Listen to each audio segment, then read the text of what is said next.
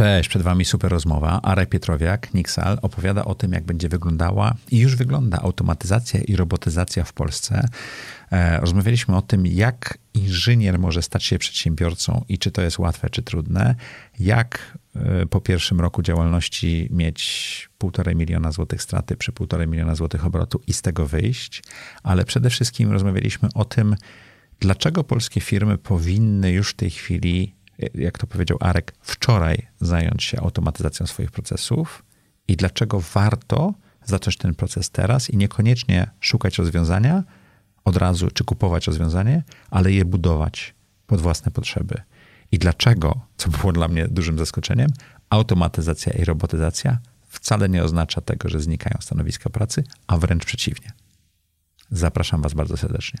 Zaprojektuj swoje życie. Zapraszam Was do mojej autorskiej audycji Zaprojektuj swoje życie. Przedstawiam osoby, które podjęły nietuzinkowe wyzwania życiowe i biznesowe. Rozmawiamy o tym, co nas napędza i dokąd zmierzamy. Historie opowiadane przez moich gości zainspirują Was do świadomego i odważnego projektowania swojego życia. Cześć, witajcie w Zaprojektuj swój biznes. Zapraszamy dla Was interesujących gości i rozmawiamy o technologiach, o przyszłości i o tym, gdzie będziemy. I dzisiaj dokładnie taki gość. Arek Pietrowiak.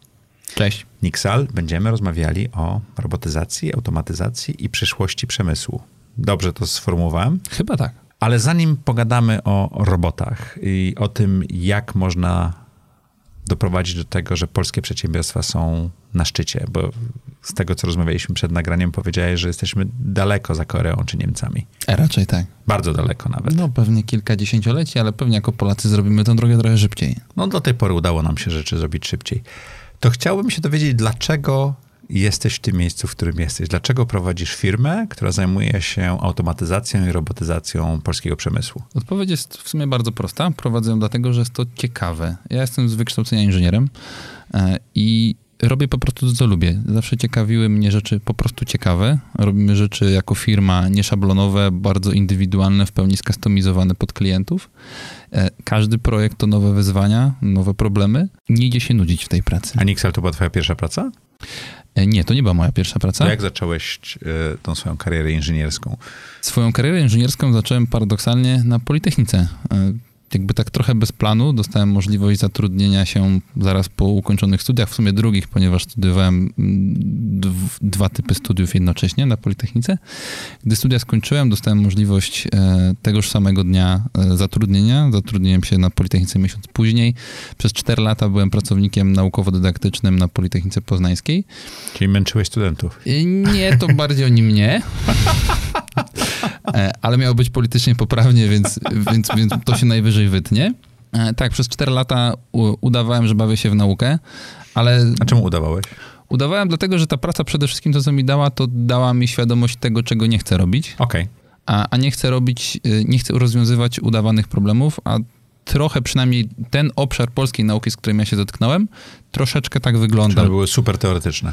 Tak, to było super teoretyczne. Trzeba było samemu sobie wymyślić problem, który prawdopodobnie w przemyśle zostanie rozwiązany szybciej, albo już gdzieś został rozwiązany i wokół tego tworzyć, coś tam pisać. To nie dla mnie trochę.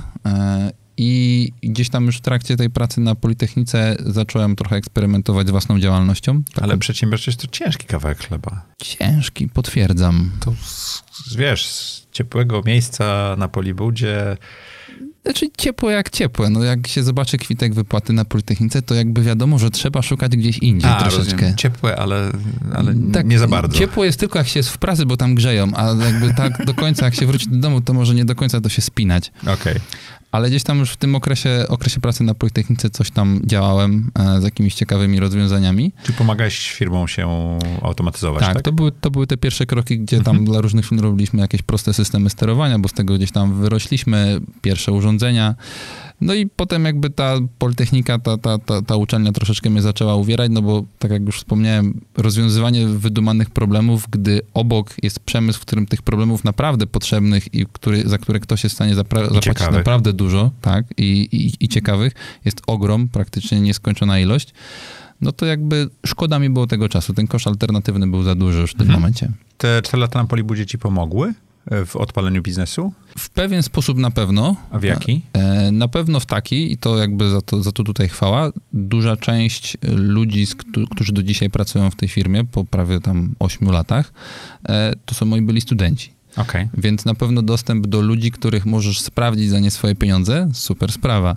Czy taka rekrutacja poniekąd? Trochę tak. A oni do dobrej firmy trafili dzięki temu też. Taką mam nadzieję, że oni też tak o tym myślą. Ale pracując tyle lat, że chyba jednak trochę o tym tak okay. myślą. E, niemniej jakby część z nich to byli moi dyplomanci lub, lub tego, typu, e, tego typu osoby, czyli niekoniecznie tacy, którzy na pewno nie łączyli jakby pracy dla mnie jeszcze z momentem, mm -hmm. gdy, gdy, się, gdy, gdy, gdy byłem ich wykładowcą. Więc to pod tym względem fajne było na pewno. No i jakby jednak ta kwestia badawcza, czyli jakby to mnie na pewno nacechowało na najbliższe kilka lat, bo potem jako firma też bardzo mocno poszliśmy w R&D, e, więc w jakiś sposób to na pewno, na pewno wpłynęło na mnie i na firmę. Wy dużo wydajecie pieniędzy na badania z zysku, prawda? Tak, ostatnio sobie to podsumowałem i dlatego, dlatego też nawet o tym wspomniałem, jak rozmawialiśmy. E, no ta kwota mnie przeraziła, bo to od 2017 3 miliony złotych. To dużo? Własnych jak na własnych... Jak, to, mówimy, to zysku. Tak, jeżeli mówimy o własnych pieniądzach, które wydaliśmy tak naprawdę ja, bo jestem większościowym udziałowcem firmy, a które mogłem sobie wypłacić, to wydaje się, że dużo. Ale firma już nie jest mała, to jest kilkanaście milionów złotych obrotu, prawda? Za zeszły rok, 2022, zamknęliśmy go tam trochę poniżej 12 milionów. Bo A w tym roku? Ten rok jest takim rokiem przejściowym. E, w tym roku naszym celem nie jest wynik. E, okay. To jest trochę inny rok, taki rok bardzo na reorganizację, bardzo dużo zmieniamy w procesach, w lokalizacji, w ogóle w organizacji, więc y, to będzie pierwszy rok od wielu lat, kiedy nie urośniemy. Mhm. Standardem mm, firmy od momentu, gdy została założona, czyli w praktyce jako spółka od 2017 roku, rok do roku 100%. Zeszły rok był ekstremalny, to było 300% w górę, dobyliśmy do tych prawie 12 milionów i to było faktycznie... to jest taki dobry moment na organizację, prawda? Jak za szybko rośniecie, to można się potknąć o własne sznurowadła. No właśnie, no właśnie. Tak naprawdę to jest jak wiadomo, każda rosnąca spółka, firma potrzebuje ogromu kapitału. My rośliśmy trzy razy praktycznie za własne. Duże wyzwanie e, i już widać, że nie jesteśmy w stanie funkcjonować z tymi problemami, które nam się namnożyły. Doszliśmy do takiego etapu jako firma, że część ludzi już troszeczkę nie pasuje do, do funkcji, które do tej pory pełniła, no bo organizacja już jest jednak trochę duża, a ta odpowiedzialność jest jednak duża. My też realizujemy, co warto wspomnieć, takie projekty, że one są czasami tak duże, że każdy projekt jest większy niż poprzednioroczny budżet albo przychód. Tak się zdarza. Spółki. Tak, tak okay. na przykład mieliśmy w zeszłym roku, że... A to są wieloletnie projekty wtedy? E, roczne, bądź tam półtora roczne, rzadko kiedy wychodzimy z projektem dalej, ale z reguły nasze projekty to jest około roku. W zeszłym roku tak mieliśmy, że 2021 rok to było tam około 4-5 milionów, a projekt, który rozpoczęliśmy w lutym, to było 2 miliony euro. Okej. Okay. Czyli jeden. cały obrót zeszłego tak, roku. Tak, więc praktycznie fajnie, jak się wszystko uda, ale taki jeden projekt może nas zmieścić z powierzchni ziemi, to trzeba mieć cały czas z tyłu głowy, jak się coś nie uda. No tak, jak masz 8 czy 9 milionów złotych z jednego projektu, a miałeś 4 miliony złotych obrotu, to... Tak. Może być niebezpiecznie. Może być niebezpiecznie. A jak sobie radzisz ze stresem i z ryzykiem w, jako przedsiębiorca? Prawdopodobnie na tym polu jestem pośledzony, bo nie mam z tym dużego problemu. Czyli to jest dobre upośledzenie. Tak, to znaczy mi ono nie przeszkadza. E, faktycznie ja w ogóle już uważam, że jako przedsiębiorca byłem w dość mrocznym miejscu, bo miałem taki ambitny plan, że będę milionerem przed trzydziestką, tylko wtedy się nauczyłem, że plany trzeba bardzo mocno precyzować, bo przed trzydziestką miałem półtorej bańki, ale w plecy. Mhm. Czyli byłeś milionerem? Byłem milionerem, tylko na minusie. Po prostu jakby tej jednej rzeczy nie doprecyzowałem. E, mhm. Więc wiem już, jak nie chcę, żeby było, wiem już, jak firmami nie zarządzać, jak tego nie robić.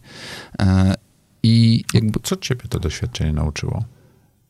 Bardzo dużo. E, Opowiesz nam? Na różnych Bo to polach. jest audycja o projektowaniu, więc y, projektowanie na błędach innych też jest dobrą rzeczą. To przede wszystkim, mm, tak jak już to ci mówiłem wcześniej, ja jakby od początku jestem inżynierem i firma powstała z tego, że jestem inżynierem. Inżynierem mhm. w ogóle jakby zbadałem się w ogóle wizjonerem, bardzo kreatywną osobą, tak już mam. E, I lubię wymyślać nowe rzeczy. Bycie inżynierem w prowadzeniu biznesu, czy w ogóle w byciu menadżerem moim zdaniem bardzo przeszkadza i uniemożliwia bycie dobrym menadżerem. A bycie kreatywnym, wiem to po audycji, jeszcze bardziej. No Bo widzisz. co chwilę masz nowy pomysł, jeszcze no lepszy niż ten poprzedni, który jeszcze się nie skończył. Dokładnie, ale to podobno tak są mózgi wizjonerów i osób kreatywnych skonstruowane, że one jakby już w głowie to rozkminią i już ten problem ich nie interesuje i idą dalej. Tak. A pieniądze się zarabia na tym, co było, tak? Do, no, do, do, do wiezienia. No właśnie, więc jakby to mnie nauczyło tego, że tą kreatywność, a moja żona wręcz mówi, że jestem osobą nadkreatywną, bo faktycznie jakby pro, problemy rozwiązuję w czasami bardzo nieszablonowy sposób, do tego stopnia, że muszę to trochę kontrolować. No i jakby bycie tym inżynierem i osobą kreatywną spowodowało, że jakby w tej sytuacji, że jednak e, ewoluowałem w tym momencie e, jednak do tego biznesmena, przedsiębiorcy. To jest zupełnie inne spojrzenie na ludzi, na relacje w biznesie, na to, jak się tymi ludźmi zarządza. E, przede wszystkim spojrzenie na pieniądze, mhm. że one się jednak muszą spinać. I jakby ta wizja tego, gdzie byłem, powstrzymuje pewne moje zapędy właśnie kreatywne i pozwala mi jakoś funkcjonować. Czyli jak tak... rozpędzasz się za bardzo, to zdajesz sobie sprawę, że, że, tak. że możesz pogrążyć firmę. Tak, dokładnie. Dlatego też y, staram się y, ograniczać swoje pole działania jakby jak mogę. Czyli jak byliście półtora miliona na minusie, to jaki był obrót spółki wtedy? No mniej więcej taki. Czyli roczny obrót miałeś tak. w stracie? Mniej więcej tak. Okay. Tam się dużo rzeczy nakumulowało, bardzo złych, e, ale no udało się szczęśliwie z tego wyjść, nawet dość sprawnie. To mam pytanie, jak zarządzasz sobą? Znaczy w tym momencie, kiedy wiesz, że się rozpędzasz za bardzo o kreatywność, to mhm. jaki to jest dialog wewnętrzny, czy jakie zewnętrzne mechanizmy masz, które pomagają ci zatrzymać się? Ja już... pytam dla przyjaciela, nie? nie dla siebie. Jasne, jasne. Na przykład, trochę jest tak, jak z pieniędzmi sobie radzę, bo pieniądze faktycznie mam tak, że mnie osobiście jakoś się nie trzymają. Ja ich nawet nie wydaję na siebie, tylko jakby mm, lubię coś kupić dzieciom albo komuś mhm. jakby, albo w coś tam zainwestować. Ja już teraz staram się inwestować to w takie miejsca, w których wiem, że łatwo ich nie wydobędę. Czyli, tworzysz sobie bariery y, przed tak. rozrzutnością, tak to nazwijmy. Dokładnie. Znaczy ja nie, nie uważam się za osobę rozrzutną, tylko właśnie jakby nie, bo tak mówię, nie wydaje okay, na siebie. nieszczelnością. Tak, jestem trochę nieszczelny w tym zakresie, a to właśnie pojawi się nowy projekt, o kurczę, fajnie w to zainwestować, o tu zrobimy coś ciekawego, to, to, to jakby na to warto wydać pieniądze, więc ograniczam swoje pole działania tak jak mogę, tak żebym jednak zachował tą możliwość gdzieś tam działania kreatywnego. Zawsze jakby mam jakąś furtkę, żeby móc do tego zaangażować dodatkowych ludzi, ale jednak, żeby ten daily business toczył się możliwie beze mnie e, i możliwie to mogło działać tak, żebym ja tam swoją kreatywnością nie naburzył i codziennie, żebyśmy nie robili czegoś innego. Mhm. Więc ja tak się przed tym troszeczkę zabezpieczam, czyli jakby finanse tutaj ktoś, operacje ktoś, gdzieś tam jakieś inne procesy, a ja sobie zostawiam to takie poletko jakichś takich badań i rozwoju. To po sześciu latach, czym się różni twoja firma versus to JDG przedtem, a spółka później, to nawet więcej niż sześciu latach, tak? Mhm. Ale weźmy, weźmy od momentu, kiedy powstała spółka, powiedziałeś w 2017 roku. Czym się różni twoja spółka po sześciu latach i dlaczego musicie robić teraz reorganizację z uwagi na wzrost?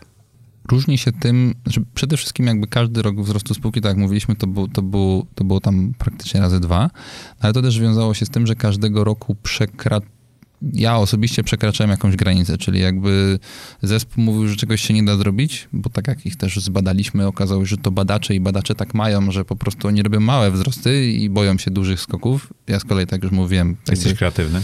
Nie boję się skakać w przepaść i składać tego samolotu po drodze. Mhm. No i to nas doprowadziło do miejsca, w którym jesteśmy. I po kolei jakby robią coraz większe problemy, zaczyna ściągnąć z nami ogon tych projektów, czyli jakby są jakieś tam serwisy, tego typu historie, coś trzeba poprawiać, trzeba już być... Te projekty, które zrobiliście rok tak, czy lata temu. Tak? tak, jakby nasza branża w ogóle tak działa, że w tej branży trzeba być dużym. E, że tylko mhm. duży się liczy, bo oczywiście jakby mały nadrabia kreatywnością, ale duzi z dużymi, mali z małymi, więc e, my jakby teraz jakby wypychamy te procesy, bo jakby faktycznie duzi się staliśmy, jakby nie jesteśmy osobowo jakoś super duzi, bo to jest tam 20-30 osób, mniej więcej na stałe na pokładzie, plus tam jacyś kontraktorzy. Więc y, super duzi nie, ale jakby duzi się staliśmy w rozumieniu, mamy y, większość procesów już na pokładzie, praktycznie 100% procesu realizowane samodzielnie, no ale to jakby wszystko było składane w locie, więc tam optymalizacja naprawdę jest do zrobienia. Czyli ty optymizujesz biznesy klientów, ale swojego jeszcze nie miałeś czasu. No, mój dziadek był szewcem, jest takie, jest takie powiedzenie o szewcu.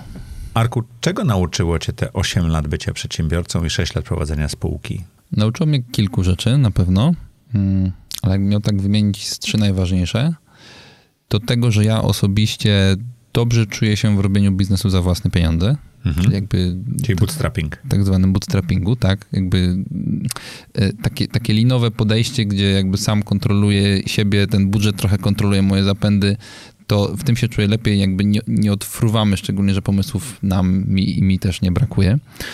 To na pewno. E, no też, tak jak tu rozmawialiśmy, cash is king, e, na to, na to trzeba bardzo mocno zwracać uwagę. Druga sprawa, mm, ludzie.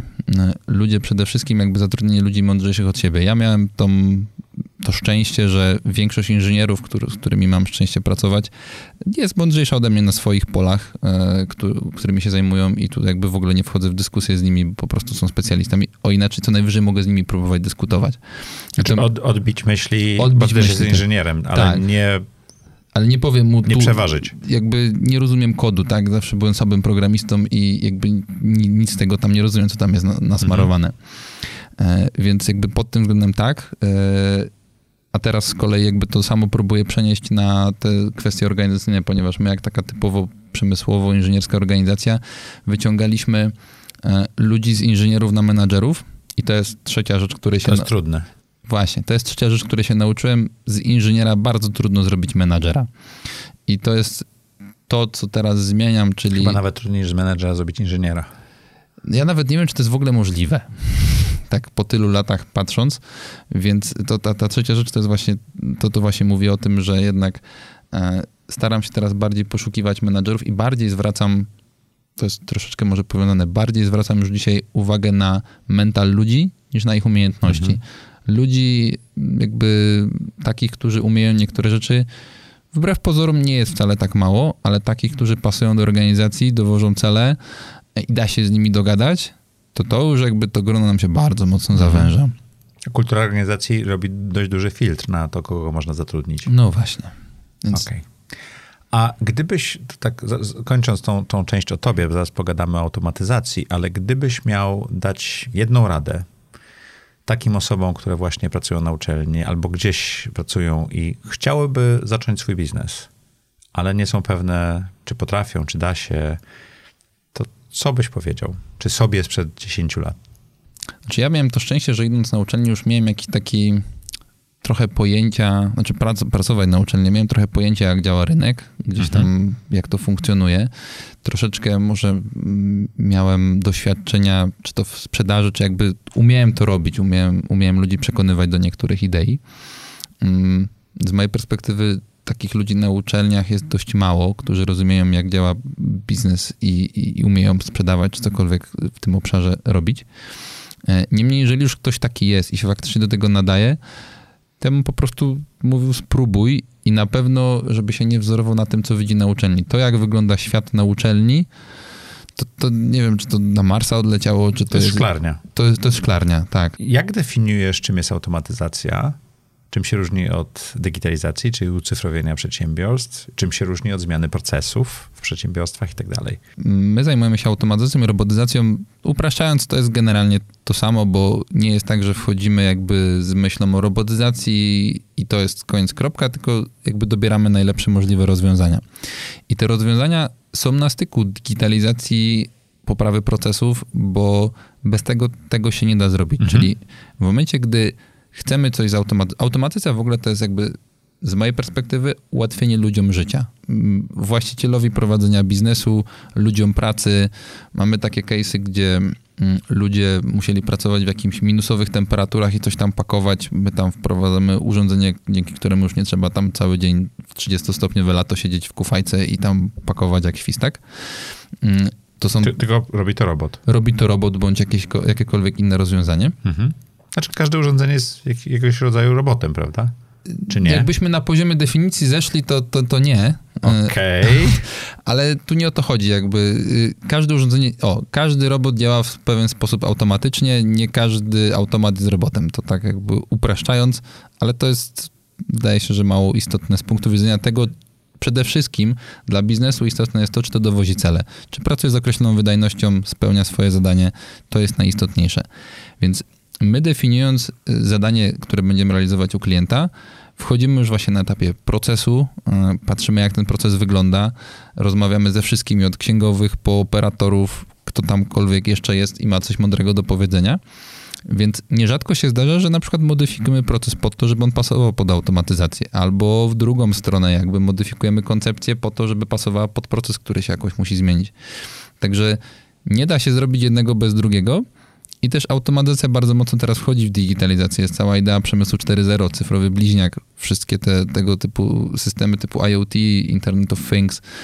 Mm, to jest digitalizacja. My też nie zamykamy się tak, że jakby bawimy się głównie w, w hardware'ze. Często zdarzają się problemy, że ok, jakby musimy dostarczyć jakiś hardware, ale to jest związane z jakimś procesem właśnie digitalnym, typu jakieś zbieranie danych, coś i tak dalej, to też robimy. Więc ja to wszystko osobiście rozpatruję jako całość. Oczywiście jakby punktem styku naszym z klientem jest to, że ma jakiś bardzo twardy hardware do dostarczenia, typu maszyny, automat i tak dalej, ale często ten projekt się rozlewa i w prawo, i w lewo, i na procesy, i na digital, we wszystkie te kierunki. To ja mam taką definicję, popraw mnie, jeżeli się z nią zgodzisz. Wydaje mi się, że to, co powiedziałeś, wylądujecie idealnie w środku, że Procesy to jest, jak mamy A, B, C, D, to sprawdzamy, czy wszystkie te kroki mają sens, czy jakiś hmm. dodać, czy jakiś zmienić, czy coś nie zrobić. I to jest ułożenie kroków. I czy tam jest człowiek, czy maszyna, e, czy kod, to nie ma na koniec znaczenia.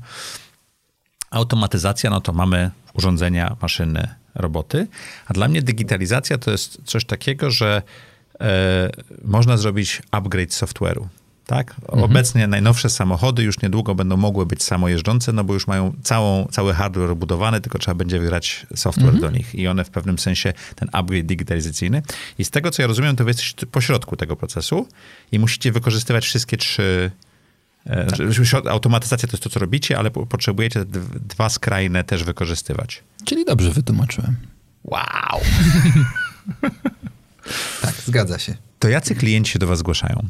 Nasi klienci to akurat przede wszystkim duże przedsiębiorstwa, naj, najczęściej do tej pory duże, ale teraz już coraz częściej to MŚP też, te, te, też obsługujemy. E, ale najczęściej są to przedsiębiorstwa przemysłowe, produkcyjne, gdzie coś jest produkowane, przetwarzane, magazynowane, transportowane, różne tego typu historie. E, I ci klienci najczęściej mają problem e, z kilku takich podstawowych dziedzin. To jest problem z kosztami, z ludźmi, z jakością, z wydajnością, z powtarzalnością procesu, z rotacją ludzi na tych stanowiskach. I my na każdy z tych sposobów, na każdy z tych problemów mamy jakiś sposób, jak go rozwiązać. Najczęściej jest to właśnie jakaś, mm, jakiś automat, który, czy, czy, czy robot, czy maszyna, która ten proces jest w stanie realizować za człowieka. W całości? A czasami w części, tak? To zależy od procesu, ale mhm. najczęściej realizujemy go w całości. My w ogóle nasz sposób działania to jest sposób działania na ROI klienta, czyli my dostarczamy mhm. urządzenia tylko w obszarze zwrotu, który nam pokaże klient. A jak długi jest zwrot na tych rozwiązaniach, które robicie? Zazwyczaj. Ekstremalnie rok i mniej. Wow. E, zdarzają nam się takie case'y. No to musi być jakiś proces, który mocno zmieniacie, prawda? E, mamy też parokrotnie o takim procesie mówię. Mieliśmy taki case, gdzie mm, było, to był nowy proces u klienta. Tam trzeba było zatrudnić ponad 30 osób, żeby go realizować. No dzisiaj znaleźć gdzieś 30 osób e, tak o. Wyszkolić. Wyszkolić i oni, żeby one rotowały, no to to nie jest prosty case. E, więc tam był całkowicie nowy proces. Trzeba było pod to zbudować całkowicie nowe urządzenie, całą linię produkcyjną i ona dzisiaj jest obsługiwana przez półtora osoby, tak w praktyce. W praktyce to nawet te 20 półtora... razy mniej. Tak, w praktyce nawet te półtora osoby przez te dwa i pół roku istnienia tego systemu wyrotowały już dwa razy, więc co dopiero jakby to było 36 osób, mm, to jest nie do opanowania, a nawet ta rotacja, o której wiemy, jakby wpłynęła na jakość obsługi, bo jednak to know-how sobie mhm. poszło. Mm, więc mamy takie case'y roczne, ale z reguły poruszamy się w takim przedziale od półtora, najczęściej około dwóch lat do, do trzech. Rzadko kiedy dłużej. No to jest taki widoczny horyzont dla przedsiębiorcy. Taki ba bardzo fajny. Y, bardzo to nie są 10-20-letnie inwestycje. Absolutnie nie. Czasami zdarzają się takie, które, dla których ROI się nie liczy i to są takie kwestie bardzo jakościowe, związane z bezpieczeństwem. Coś trzeba zrobić i kropka. Bezpieczeństwo rozumiem, a jakość? Mm, jakość, czyli na przykład, yy, znaczy w sumie to też można policzyć. Czyli jeżeli jakby mhm. klient miał bardzo dużo zwrotów, mhm. potrzebuje jakiegoś systemu maszyny, która mu to będzie kontrolować, to to mu się pewnie zwróci, ale jakby te wszystkie cases, w których ja się spotkałem, to było bardzo trudno policzalne, tak jakby okay. jak można to wyliczyć, jakie to jest ROI. E, automotive czasami jakby tego tak też nie do końca liczy, po prostu ma być jakoś koniec, kropka. To sobie oczywiście gdzieś tam na którymś etapie trzeba wkalkulować. Mm. No i automotive to są bardzo złożone procesy i tam każdy błąd się nawet nie dodaje, tylko mnoży, tak? No właśnie, ta, tam, tam mówimy o tym ppm rzędu chyba 6 czy, czy 9, już teraz nie pamiętam, czyli 6 czy 9 części zepsutych na milion, mhm. E, więc to do tego na, wtedy, tam, tam to się PPM, liczy. PPM, czyli parts per million, tak? Tak, dokładnie. Dobrze, części na milion. Dokładnie. Więc yy, tak, z reguły to jest półtora do trzech lat taki zwrot, yy, na czym takim pracujemy. Jak klienci was znajdują? Albo jak wy znajdujecie klientów? Bardzo różnie. No bo żeby mieć wzrost razy dwa przez 6 lat, to tak wybitnie. E, tu akurat myślę, że mm, wpływ ma na to to, że działamy inaczej niż reszta branży. E, okay. A inaczej niż reszta branży, to znaczy ja nie sprzedaję. Okej, okay. to, to, jest, Ciebie To jest istotna różnica, ponieważ standard, w Polsce w ogóle takich firm jak nasza, znaczy w rozumieniu integratorów, e, takich partnerów dotyczących, zajmujących się automatyzacją, dzisiaj to już jest pewnie ze 300 firm. No dużo. Jedna z nich była, Wobit był u nas, wy z nią współpracujecie chyba. E, tak, Trochę inna współpracujemy firma. z Wobitem. Wobit, e, Wobit nie do końca bym go nawet zakwalifikował do, tej, do, tej, do, tych, 300. do tych 300, ponieważ to jest dostawca technologii, mhm. e, rozwiązań, jest też dostawcą naszym, to będę bardzo fajne ma rozwiązania, e, więc e, Wobit to jest troszeczkę, troszeczkę inny case, ale jest powiedzmy pewnie z 300 300 e, firm, które zajmują się jakby integracją, czyli wprowadzaniem, wdrażaniem rozwiązań automatyki, robotyki w przemyśle. Mhm. Mm, z czego to 300, to w praktyce z mojej perspektywy sensownie liczy się górne 10%. Czyli 30. Tak, trochę jak rynek fotowoltaiki. Łapiecie się na te 30? Myślę, że już pomału tak. Okay. Jak nie, to tam pukamy do drzwi bardzo mocno. To, czym się przede wszystkim różnimy właśnie od tego całego rynku, to to, że takim standardem, który ja obserwuję, jest to, że prezes, właściciel sprzedaje. Jakby jest inżynierem, e, koncypuje, gdzieś tam jeździ po klientach i tak dalej, i tak dalej. Nawet znam przykłady bardzo dużych firm, które gdzieś tam w tych 10% są i tam e, jak się spotykamy na przetargach, to tu prezes, tam prezes. Ja już tego nie robię. Mm, nie dlatego, że nie chcę, tylko dlatego, że z mojej perspektywy mm, profesjonalny dział sprzedaży jest podstawą wzrostu. Mhm. E, dział sprzedaży i marketingu. I my to tak poukładaliśmy. I to Czyli działa. zacząłeś pracować nad firmą bardzo wcześnie, a nie w firmie. Tak. E, teraz akurat od miesiąca już zdałem też kwestie operacyjne, więc już w ogóle jest teraz fajnie. Mogę sobie te klocki fajnie Ale układać. prezesem ciągle jesteś. Ciągle jestem. Czyli możesz pracować nad strategią rozwoju i tym, jak firma działa, tak? To jest ten rok, który mówiłeś, że Dokładnie. skupiacie się wewnątrz. Na przezbrojenie. Mhm. Przezbrojenie. Przezbrojenie, tak. To brzmi bardzo groźnie. trochę, trochę, Na rynku. trochę wojskowo. Ale, ale jakby to, to, że ten dział sprzedaży jest samodzielny, czyli on jakby działania sprzedażowe nie obciążają naszego daily business, e, nie obciążają mnie, nie obciążają innych inżynierów, bo tam jest jakby wyspecjalizowana komórka, która tym się zajmuje, trochę połączona z R&D.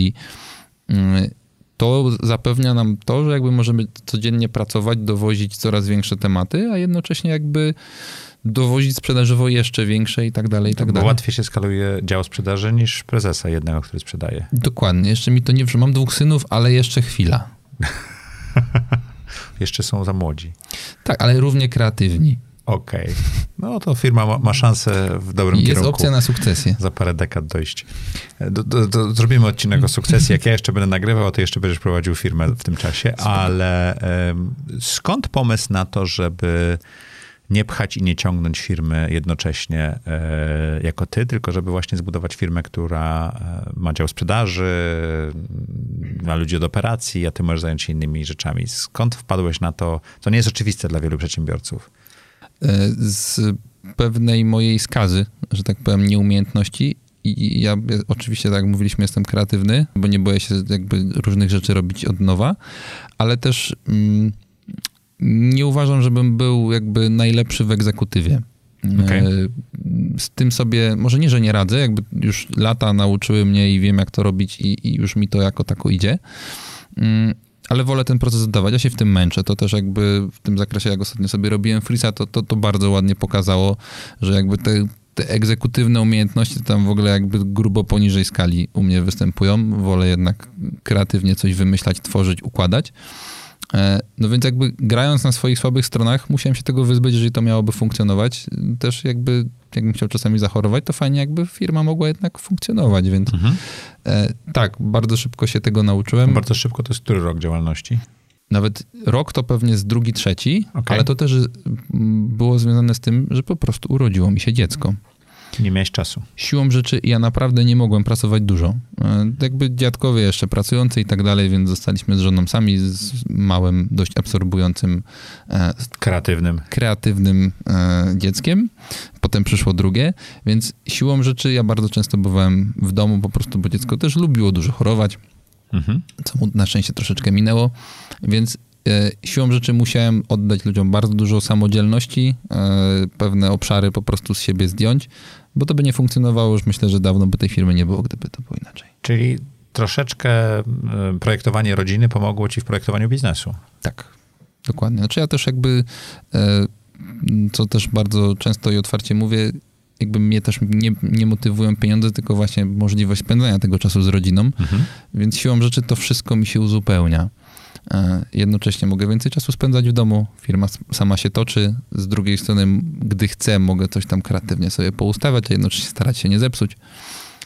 I jakoś a to się toczy. Który z, który z procesów, czy który z działów był, był pierwszym, który zacząłeś tak automatyzować? Sprzedaż. Okay. E, a miałeś już ludzi od sprzedaży wtedy w firmie? E, sprzedaż jakby sam ustawiłem i tych ludzi, których mamy na pokładzie od sprzedaży są wyszkoleni przez nas. Tak mhm. akurat rynek działa nasz, że trudno pozyskać jakby wykształconego sprzedawcę, który, chciał, który miałby robić to, co my robimy. Bo musisz mieć wiedzę inżynieryjną, musisz mieć Dokładnie. wiedzę procesową i wiedzę sprzedażową w jednym człowieku. Dokładnie, więc dzisiaj jakby działem sprzedaży um, kieruję, że tak powiem, nasz własny produkt, mhm. Przemek, który jest szefem sprzedaży, którego praca u nas jest jego pierwszą pracą po skończeniu studiów. E, tu się wykształcił, tu się wszystkiego nauczył, jakby bardzo długo troszeczkę, znaczy w sumie jakby głównie przeze mnie mentorowany, uczony wszystkiego i z dwa lata temu mógł swobodnie ten dział objąć. Mm, I ten dział całkiem sprawnie funkcjonuje. To opowiedz mi, jakich macie klientów? Bardzo różnych. Okej. Okay. Bardzo różne branże, e, bardzo, jakby w, w, zeszłym roku akurat e, mieliśmy taki rok, który nam upłynął pod kątem na przykład ceramiki. Ceramiki? Produkcji ceramiki, typu jakieś brodziki pod prysznic, toalety, okay. umywalki pierwszy rok, to był pierwszy taki rok, gdzie mieliśmy takie zatrzęsienie, że jakby wylądowaliśmy w jednej firmie produkującej ceramikę i nagle byliśmy we wszystkich czterech pozostałych w Polsce. A to siebie nawzajem polecali, czy dział, dział sprzedaży tak wykumał, że to jest dobre i poszedł za nimi? Do dzisiaj nie wiem, jak to się wydarzyło. To Ale... masz niezłą firmę, jak, jak ona na tyle automatycznie działa. E, tak, jakby lubię być zaskakiwany. To jest, okay. to, jest, to jest całkiem spoko. Pozytywnie. Pozytywnie, pozytywnie, jak najbardziej. Ale nasi klienci jakby definiując ich nie przez pryzmat branży, bo przez pryzmat branży, to tak jak tutaj mówimy, zeszły rok akurat pod kątem ceramiki, ale bardzo długo pracowaliśmy w przemyśle spożywczym, chemicznym, jakaś produkcja cukru, mm, innych, innych różnych śmiesznych rzeczy. Trochę automotive. E, chociaż od, od automotywu troszeczkę staramy się trzymać dalej. Dlaczego? E, bo skomplikowana branża, znaczy skomplikowana to może nie jest problem, bardzo ustandaryzowana, więc jakby moją kreatywność troszeczkę zabija, mhm. Mm, a też jednocześnie na tyle wymagająca, że trzeba bardzo mocno się do niej przytulić. A mhm. ja lubię I zrozumieć. Tak, lubię mieć zdywersyfikowany biznes na różne branże. Na automotive jak dostanie czkawki, no to wtedy jakby też bym dostał mhm. czkawki. Zresztą są takie przykłady tegoroczne, że ja wiem przynajmniej o dwóch całkiem sporych firmach integratorskich, które po prostu padły, bo biznes dostał czkawki i, i oni też dostali. Czyli posiadanie różnych branż jest zabezpieczeniem biznesu dla was. Dokładnie. Okej. Okay. Czyli my jakby naszym celem działalności jest robienie rzeczy nowych, ciekawych, innowacyjnych dla klientów, które dają im cash, ale nie zamykamy się absolutnie. I też zarabiania na tym pieniędzy.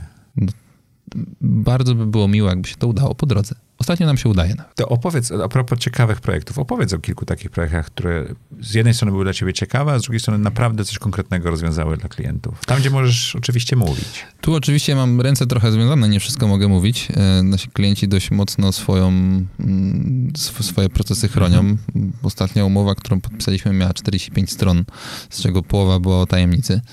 Mm, więc no muszę, muszę na to troszeczkę uważać, ale co mogę powiedzieć, to na pewno mogę powiedzieć o tym, co robimy sami. Okay. Bo ten rok co już mogę zdradzić, y, będzie rokiem, w którym w tak kreatywnej branży, w jakiej działamy, będziemy się starali wyjść z pewnymi produktami zapakowanymi w pudełko, e, czyli pewnymi gotowcami. Mm, czyli będziemy mieli parę takich już gotowych rozwiązań, w tym jeden swój własny produkt, nad którym pracujemy od kilku lat. I on jest o tyle ciekawy, że nikt, do niedawna jeszcze nikt tego na świecie nie zrobił, a my zbieramy robotem pieczarki. Mhm. E, czyli bardzo nieoczywista branża, bo wielu się wydaje, że roboty to tylko w fabrykach, e, a my roboty... W... To, to bardzo manualny proces w pieczarkach, ale tu da się zautomatyzować, prawda? E, da się. Mhm. Da się. Dzisiaj już mogę powiedzieć, że się da. Parę lat temu też mówiłem, że się da, ale jakby nie wiedziałem, co jest po drodze. Dzisiaj już wyszedłem z tej doliny i, dalej twierdzę, że się da, bo się to po prostu udało. I w tym roku e, na rynek wchodzi za miesiąc gdzieś około nasze rozwiązanie, które po prostu zastępuje człowieka w procesie zbioru pieczarek. Bardzo trudnym, bardzo wymagającym. E, więc to jest taki jeden z ciekawych case'ów, który, który dostarczamy, ale też automatyzujemy bardzo różne procesy. Na przykład, jeżeli jesz cukier brązowy, mhm. to prawdopodobnie bo z tego co wiem, linia, którą zbudowaliśmy, obsługuje jakieś 90% polskiego rynku, więc prawdopodobnie jesz taki, który my pakujemy. Od A do Z. My tam jakby realizujemy proces od momentu, gdy ten cukier wychodzi jakby z, worku z tankowca, pojawia się na magazynie i jakby z tego worka jest wysypywany i kończy już jakby w zapakowanym kartoniku na palecie to, to wszystko od A do Z to my. Mamy też inne case'y, tak jak na przykład jak sobie pójdziesz do łazienki, masz umywalkę, to my sobie gdzieś tam w jednym case'ie umywalki polerujemy, bo to jest jakiś tam proces i one są polerowane robotem. Mm, pakujemy bardzo różne rzeczy robotami, od nasion przez jakieś posypki do KFC czy innych tego typu, nie mogę mówić, e, bardzo, bardzo różne rzeczy. Słuchaj, ja mam przyjaciela z YPO z Australii, mhm. którego e, dziadek miał sad, którego ojciec rozwinął handel e, owocami, a on e, rozwinął automatyzację pakowania owoców. I ma biznes w tej chwili globalny. Ma chyba 80 do 100% e, maszyn, które pakują wiśnie. Przede wszystkim wiśnie dla Japonii, bo tam wiśnie no, w odpowiednim sezonie. I też jest bardzo ciekawe, że północna półkula, południowa półkula, żeby trafić na sezon i tak dalej. Ale powiedziałbym bardzo ciekawą rzecz, że jemu łatwo się sprzedaje w takich krajach jak Europa, czy Australia, czy Stany Zjednoczone, a dużo trudniej sprzedaje mu się w Afryce Południowej na przykład, czy w Ameryce Południowej, gdzie wiśnie również są sadzone, bo tam koszt pracownika jest dużo niższy. I jakość tych pracowników do obsługi maszyn też jest inna. Polska jest chyba w takim momencie, że my musimy, prawdopodobnie już to zaczęliśmy robić, tak, przeskoczyć mm, z rynku z tanią siłą roboczą, no bo polska siła robocza przestała być już tania. No nie jest już tania. I jeżeli nasi sąsiedzi ze wschodu wejdą do Unii, no to, to w ogóle się bardzo zmieni. I zrobić taki technologiczny skok. E, I to się już dzieje w digitalizacji, bo mamy bardzo dużo programistów, którzy to robią i tak dalej. Dlaczego przedsiębiorcy powinni myśleć o automatyzacji swoich procesów, i czy koszt pracownika jest tą jedyną rzeczą, czy jest tego więcej? Znaczy, koszt jest na pewno czymś, od czego bym wyszedł, no bo wiadomo, jakby inflacja, wszyscy to powtarzają, wiemy o czym mówimy, inflacja, wzrost wynagrodzeń, no to się po prostu dzieje, dzieje się w sposób ciągły od kilku lat coraz szybciej. Nie jesteśmy już tanią, tanią siłą roboczą jako Polacy, więc, więc to, to jest oczywiste. Ja upatruję osobiście w automatyzacji jeszcze czegoś innego mm, jak ostatnio czytałem badania, to jest chyba 30% teraz e, rotacji na świecie gdzieś około tak średnio. Pracowników. Tak, pracowników. Czyli ta wiedza ucieka z firmy. Tak, wiedza ucieka, know-how rotuje, czyli mm, dzisiaj większość przemysłu stoi na takich długoletnich pracownikach, którzy robią coś tam od kilkudziesięciu lat, mają ten know-how w rękach, wiedzą jak to zrobić i tak dalej. Ale ci ludzie też teraz będą szli na emeryturę. Młodzi, każdy, kto pracował z pokoleniem Z, to już coś tam wie, że to nie będzie tak łatwo tych ludzi zastąpić robotyzacja, automatyzacja jest z mojej perspektywy możliwością zamknięcia tego know-how w pudełku. I to dosłownie. Dosłownie.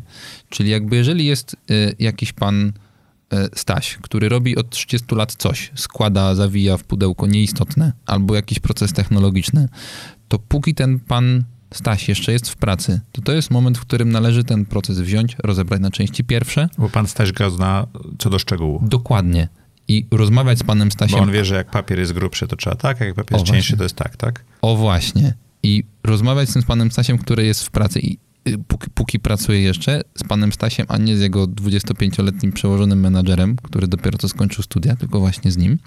I to know-how zamknąć. A pan Staś się nie boi? E, ja o tym też bardzo często mówię. Mi się nie zdarzyło, żeby jeszcze w momencie, gdy coś dostarczyliśmy klientowi maszyny rozwiązania, automat zastępujący kilkadziesiąt, kilkanaście osób, żeby kogokolwiek zwolniono. Bo ci ludzie się bardzo przydają w firmie i, Dokładnie. i mają wiedzę, tak? Oni wiedzą, jak ten proces pociągnąć, gdy coś, się, gdy coś się zepsuje. Przede wszystkim też w automatyzację, robotyzację nie inwestują w firmy, które, e, które jakby mają regres, tylko raczej wzrost. Więc, y, Czyli w pewnym sensie pomagacie przedsiębiorcom w rekrutacji, bo nie muszą tak dużo pieniędzy wydawać na rekrutację, bo posiadając mniej, ale lepiej wyszkolonych pracowników, mogą szybciej rosnąć. Tak, jakby to też często się zdarza tak, że już bardziej ci, ci młodsi pracownicy też zwiększają swoje kompetencje. Pojawienie się robota w zakładzie jakiegoś nowego rozwiązania jest czymś ciekawym. Często zdarza się tak, że mamy wręcz y, zapytania, prośby o to, żeby tych ludzi też przeszkolić z tej obsługi.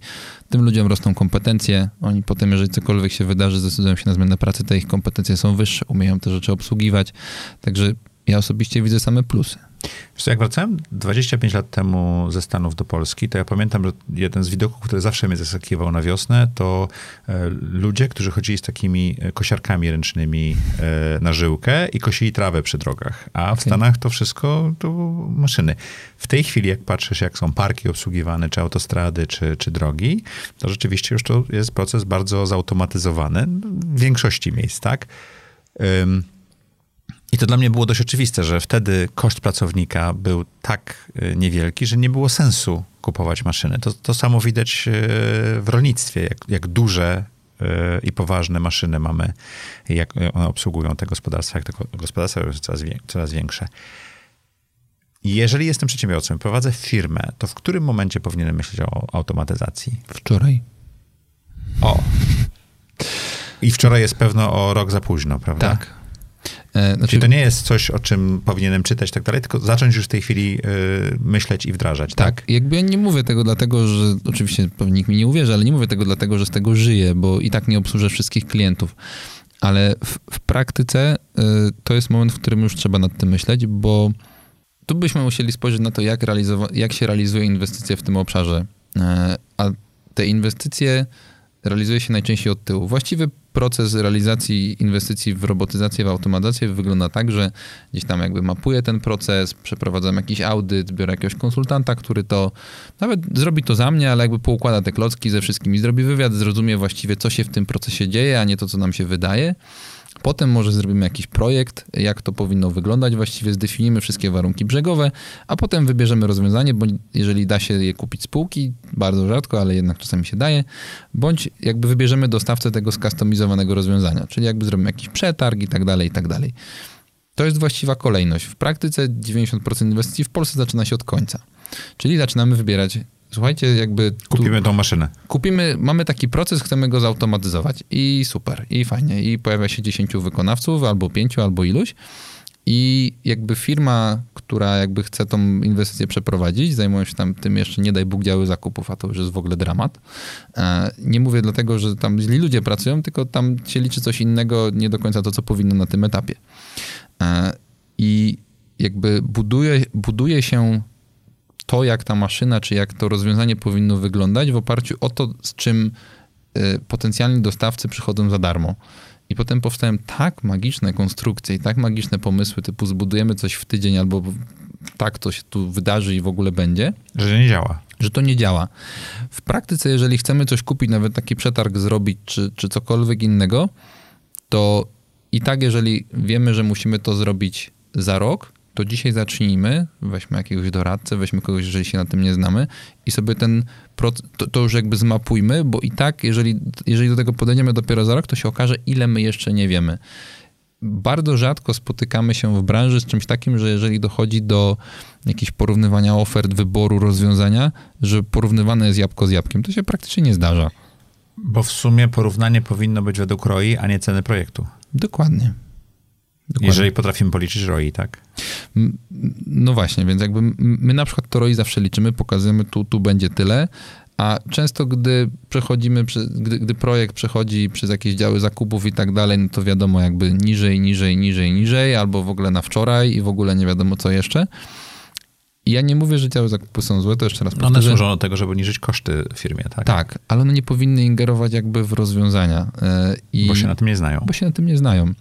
To to jest to, to, co próbuję powiedzieć, że tak, trzeba zacząć już, e, ale nawet nie z zamysłem, że chcę to kupić za chwilę, tylko naprawdę ilość rzeczy do wykonania, zanim dobrze zdefiniuję, co chcę kupić w tym obszarze, jest naprawdę tak duża, to są tygodnie, bardziej nawet miesiące pracy, żeby sobie zdefiniować, że tak, chcę coś takiego i to mi da taki konkretny cashback. Dlatego z mojej perspektywy można kupić rozwiązanie w obszarze automatyki, robotyki tak o, ale to się może udać, ale wcale nie musi.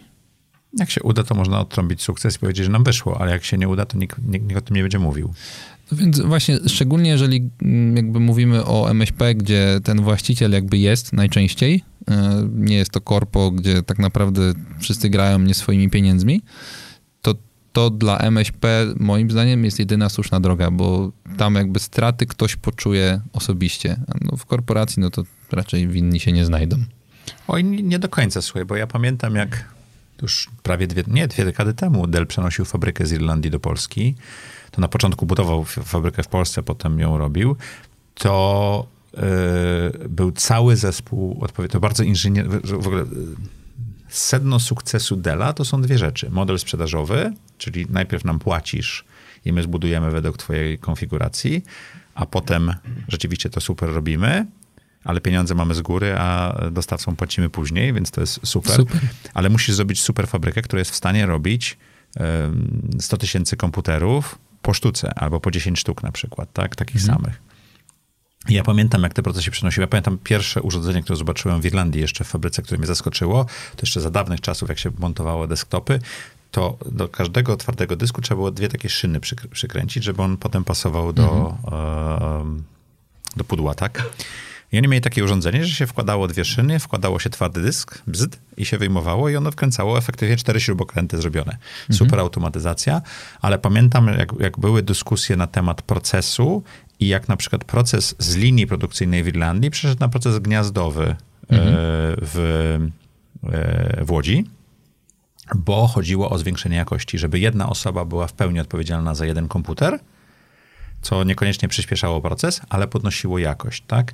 Czy też y, cały system dystrybucji, to, to, jest oczywiste, nie? Ale dystrybucji, bo do Dela, do fabryki przyjeżdża kilkanaście tirów mhm. i każdy jedzie w inne miejsce. Ten jedzie do Afryki, ten jedzie do krajów arabskich, ten jedzie do Belgii, ten jedzie gdzieś tam.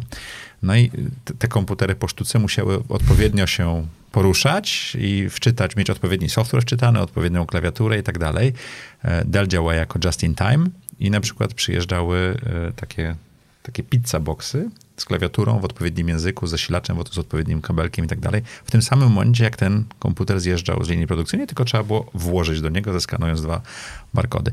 I nad tym siedziało no, duże kilkadziesiąt osób, e, przygotowując tą fabrykę, jak ona ma wyglądać, vis-a-vis to, jak do tej pory wyglądały fabryki na całym świecie. I, i to było bardzo przemyślane. To jest to, to, o czym ty mówisz, tak? Tak, właśnie, właśnie to jest to, o czym mówię, czyli że jakby tu widać, że siedziało nad tym dużo ludzi, inwestycja była bardzo, bardzo potężna, praktycznie musiała się udać. E, w praktyce jakby takich dużych inwestycji w tym kraju nie ma wiele. A często jest zmiana hali produkcyjnej. To jest do, tak. super moment, żeby coś takiego zrobić. Dokładnie. Tak? I w, a w praktyce na przykład jest tak, że duże inwestycje, znaczy duże w rozumieniu, no bo kilka milionów to, to już jest tam jakaś pokaźna inwestycja, mhm. to może gdzieś tam zaburzyć wynik, jak się nie uda. E, zajmują się tym ludzie po prostu, no bo masz, tu, tu masz projekt i zrób. Wewnątrz u klientów waszych. Tak, yy, czyli jakby takie rzeczy, ja nie mówię, że to jest norma, ale czasami tak się zdarza, że po prostu zajmują się tymi projektami ludzie, którzy się na tym nie znają i to jest okej. Okay. Choć... Jest ok, jeżeli właściciel projektu nie rozumie projektu? I to, to, to jest jeszcze ok, jeżeli przyjmuje wiedzę. W sensie, okay to, to jest okej, okay. jakby nie od tego on jest jakby, pracuje tam, gdzie od pracuje. Od tego wy jesteście. Od tego my jesteśmy, mhm. od tego jest jakikolwiek inny doradca, żeby mu powiedzieć, co właściwie ma zrobić. To jest okej, okay, tak długo jak nie chcemy wszystkiego zrobić na hura. I mm, ja bardzo mocno, mm, jakby też w, w całym swoim procesie jakby działania z klientami bardzo mocno wdrażamy ten system, żeby nie od razu, nie róbmy na hura, nie, nie, nie próbujmy zrobić wszystkiego od razu, zróbmy sobie to po kolei, zdefiniujmy sobie, co właściwie cię boli, drogi kliencie, gdzie masz problem, bo to nie jest poparte badaniami, ale 80% przypadków, według mnie, mogę podać 79, żeby było podobne, jak jest nieparzyste, to ludzie lepiej wierzą. E, w 79,5. O właśnie, to, to w, 70, Albo 0,4. w 79,4% przypadków, które mamy, problem, z którym przychodzi klient, nie jest problemem, który go boli.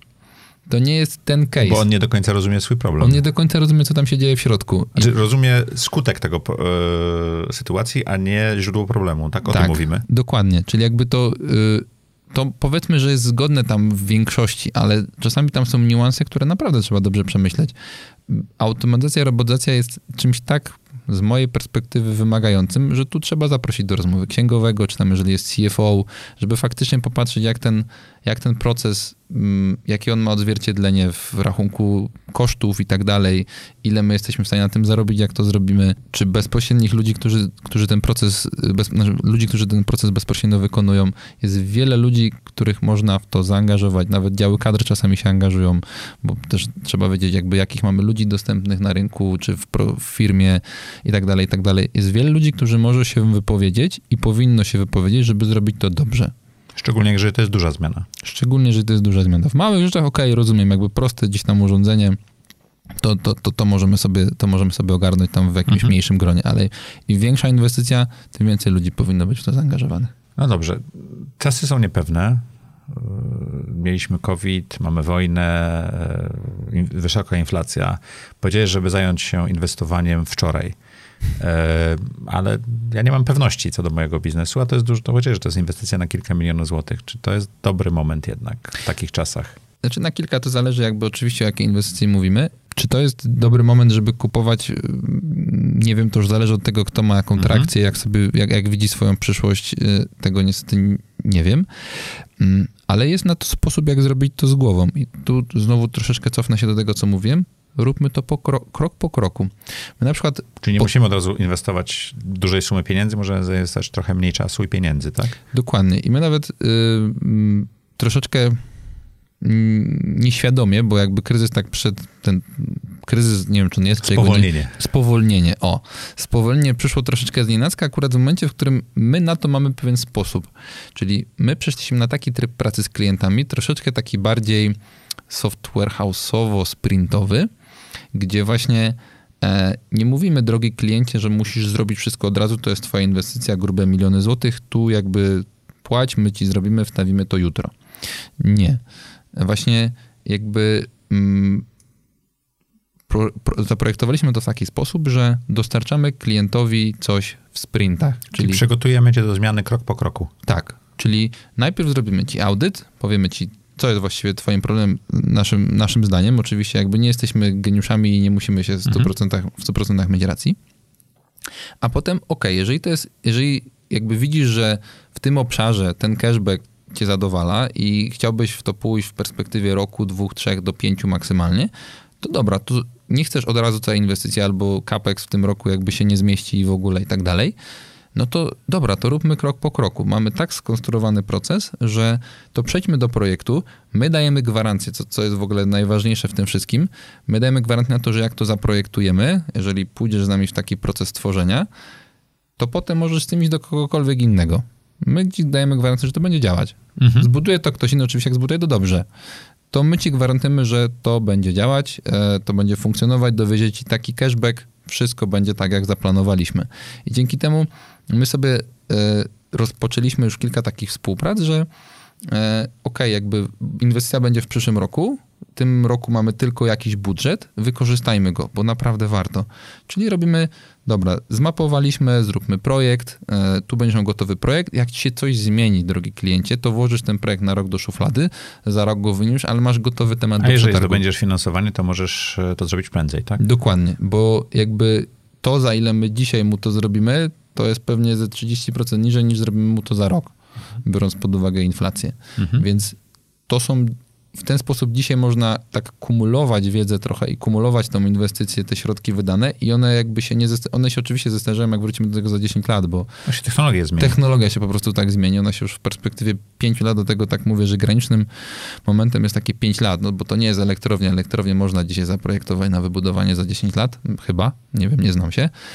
Mm, ale gdzieś tam do tych pięciu lat, czy roku, dwóch, jak najbardziej. I w ten sposób jakby to jest taka nasza trochę przypadkowa odpowiedź na to spowolnienie, że w ten sposób akumulujemy te, e, ten przyrost wiedzy i jakby inwestycji w zakresie automatyzacji. Ile się da, wykonujemy w takich częściach, że po każdym etapie klient coś ma, nie, że jakby przerwę inwestycję i nie ma nic, tylko ma i może z tym iść gdzieś indziej, nawet jakbyśmy się jakoś, nie wiem, coś się tam wydarzyło złego. Jak widzisz przyszłość automatyzacji w Polsce i przyszłość swojej firmy? Bo mówiliśmy o tym, że e, w porównaniu z innymi krajami to jest duża różnica. Ty jakbyś powiedział, jaka to jest różnica tam do naj, najlepszych liderów tego rynku, to też byłoby ciekawe. sobie właśnie wczoraj nawet sprawdziłem, że Korea Południowa to jest tysiąc robotów na 10 tysięcy pracowników. Okay. Niemcy Czyli 1 na 10. 1 na 10. Niemcy to jest około tam 350, 360 Na 10 tysięcy pracowników. Na 10 tysięcy pracowników. 0,3 na... Czechy, czyli w sumie zaraz obok, 100 tam 70 prawie. O, czyli połowa Niemiec. Tak jest. Źle. No bo tam akurat automotive bardzo mocno e, stoi. E, no i jakby jest sobie Polska, 52. Więc 52. 52. Czyli 7 razy mniej niż Niemcy. Już o Korei nie wspomnę. Tak, dokładnie. Mhm. W kraju, w którym gdzieś tam przemysł jednak stoi dość mocno, e, chyba w perspektywie jakby krajów ościennych, bo nawet się mówi gdzieś tam o troszeczkę o przemysłowieniu naszego, naszego PKB i w ogóle, no to jednak mamy co gonić. Więc y, jak ja widzę tę przyszłość, widzę tę przyszłość tak, że jakby, dlatego mówię, że wczoraj, bo to jest jedyny kierunek i ja widzę w tym wartość, widzę w tym wartość tam, gdzie zastosowaliśmy nasze rozwiązania, czy w ogóle ktokolwiek stosuje roboty, to to jest w ogóle niebo a ziemia. To zupełnie inaczej prowadzi się biznes. Ten, to, te procesy są powtarzalne, bezpieczne, to wszystko działa jakby po prostu jest fajnie, miło i przyjemnie. Oczywiście mhm. to się też czasami psuje, tak? Jakby jak wszystko, ale jednak to jest zupełnie coś innego. E, więc musimy tą drogę nadganiać. Będziemy ją, myślę, nadganiać szybciej niż, będziemy do tego poziomu dochodzić szybciej niż Niemcy, czyli nie przez najbliższe 30 lat. Myślę, że dojdziemy dość sprawnie. No tak jak doszliśmy do ekonomii rynkowej szybko, tak? No właśnie, przy tym będzie trochę potknięć, tak jak pewnie i przy naszej ekonomii rynkowej. Mm, bo tak jak też już wspomniałem, trochę jest tak z tym naszym rynkiem, że trochę jak na fotowoltaice powstaje dużo małych firm, będzie dużo takich, du, dużo, dużo ludzi się na tym rynku pojawi, którzy zrobią jedną, dwie inwestycje i znikną z rynku, i, więc wybór partnera... Ale, wiesz co, to jest, to jest, dla mnie to jest sposób działania kapitalizmu, tak, że jeżeli mhm. gdzieś jest dużo do zarobienia, to pojawia się dużo właśnie firm, a tylko niektóre z nich przetrwają i potem stają się dużymi graczami globalnymi. I, i tu pewnie, tu pewnie tak, taką sytuację będziemy mieli, czyli jakby ten rynek. E, myślę, że krótkookresowo pojawi się na nim dużo nowych podmiotów, które z tego rynku dość sprawnie znikną. E, niestety pech tych ludzi, którzy postawią na te małe podmioty, bo czasami to można zostać naprawdę z dużym problemem. Na wyciągle jesteś też małym podmiotem chyba, nie? Czy już nie? Nie, ja już, już jakby na naszym rynku nie ma dużych firm. W sensie to, okay. nie, są, to nie są integratorzy, to nie są firmy po 300-500 osób, to są jakby duzi, mają naprawdę po 100 osób, czy 100 ileś. A to docelowo chyba będą po 300-500 osób, prawda? Tak, więc jakby my, myślę, że po tym okresie, tak z mojego patrzenia na rynek, a siedzę na nim już na tyle długo, że coś już widzę, jak to mniej więcej działa, myślę, że krótkookresowo pojawi się dużo małych podmiotów, ale jednak duzi się konsolidują. Mhm. E, I łączenie kompetencji, tak. łączenie tak. wiedzy czy kapitału pomoże. Ten proces już widzę pomału gdzieś tam występuje, gdzieś tam takie rozmowy są. Sam o tym też dość mocno myślę, e, mhm. żeby gdzieś tam w perspektywie najbliższych paru lat. Kupować czy sprzedawać siebie? To zależy. Chciałbym zrobić jedno i drugie. Okej, okay, czyli e... nakupić, zbudować coś większego. Albo w drugą stronę. To mhm. zależy kto przyszedł. Jakby gdzieś tam po drodze prowadziliśmy jakieś rozmowy, parę, parę firm po drodze było zainteresowanych, ale ja z tych rozmów zawsze wychodziłem, bo nie chciałem się zamykać na dany obszar, czyli często to był taki inwestor bardzo branżowy, czyli robilibyśmy w koło Maciu to samo. To nie jest do końca to, co mnie interesuje na tym etapie. E, ale z czasem, jeżeli przyszedłby ciekawy inwestor, taki plan gdzieś jest, może za parę lat, może szybciej, żeby jednak, jeżeli to by dało nam siłę napędową do robienia jeszcze ciekawszych rzeczy, super, nie mówię nie. A czy wy macie klientów spoza Polski już? Mieliśmy, mhm. ale mm, w perspektywie, jak ostatnio gdzieś tam układałem strategię na najbliższe 5 lat, e, nie jest moim celem wychodzenie na ten moment za granicę. Ale mówię... z tego, co powiedziałeś, to trochę nie ma sensu, bo ten Właśnie. rynek będzie miał taką rewolucyjną falę w tej chwili. Tak? Właśnie. Tak? Tu jakby jest tyle do zrobienia w tym kraju, że naprawdę się nie ma co co, co rzadko się zdarza z biznesami. Tak? Wy, wy nie macie pułapki rynku średniego, w którą wiele polskich firm wpada i tam można zrobić 10-20 milionów powiedzmy obrotu i koniec. Wy raczej jesteście przygotowani na falę, która właśnie nadchodzi. Tak, myślę, że fajnie nam się zgrało, jakby jesteśmy już na tyle, że nie jesteśmy duzi, tak, bo, bo tak mówię, to nie jest jakaś duża firma z perspektywy z takiej jakby książkowej, to dalej jest firma mała, w, idąca w kierunku średniej, mm, ale jednak na tym rynku to już jest to już jest coś. Mamy wszystkie, może jeszcze nie procesy, ale już jakby wszystkie obszary zaopiekowane i jakby oferowane klientom, które są potrzebne, żeby być tym dużym. No i faktycznie idzie boom, e, więc jakby jesteśmy na to gotowi i patrzymy, co się będzie działo. Dziękuję Ci za tą rozmowę. Dziękuję Ci bardzo. Dziękuję Wam i zapraszamy w poniedziałki na serii eksperckiej Zaprojektuj swój biznes i tego typu rozmowy o przyszłości automatyzacji w Polsce chyba. Chyba tak. Chyba tak. To jest fala, na którą warto wskoczyć, a jak wiecie, każdy dobry surfer wie, kiedy wskoczyć na właściwą falę i chyba z takim właśnie rozmawialiśmy.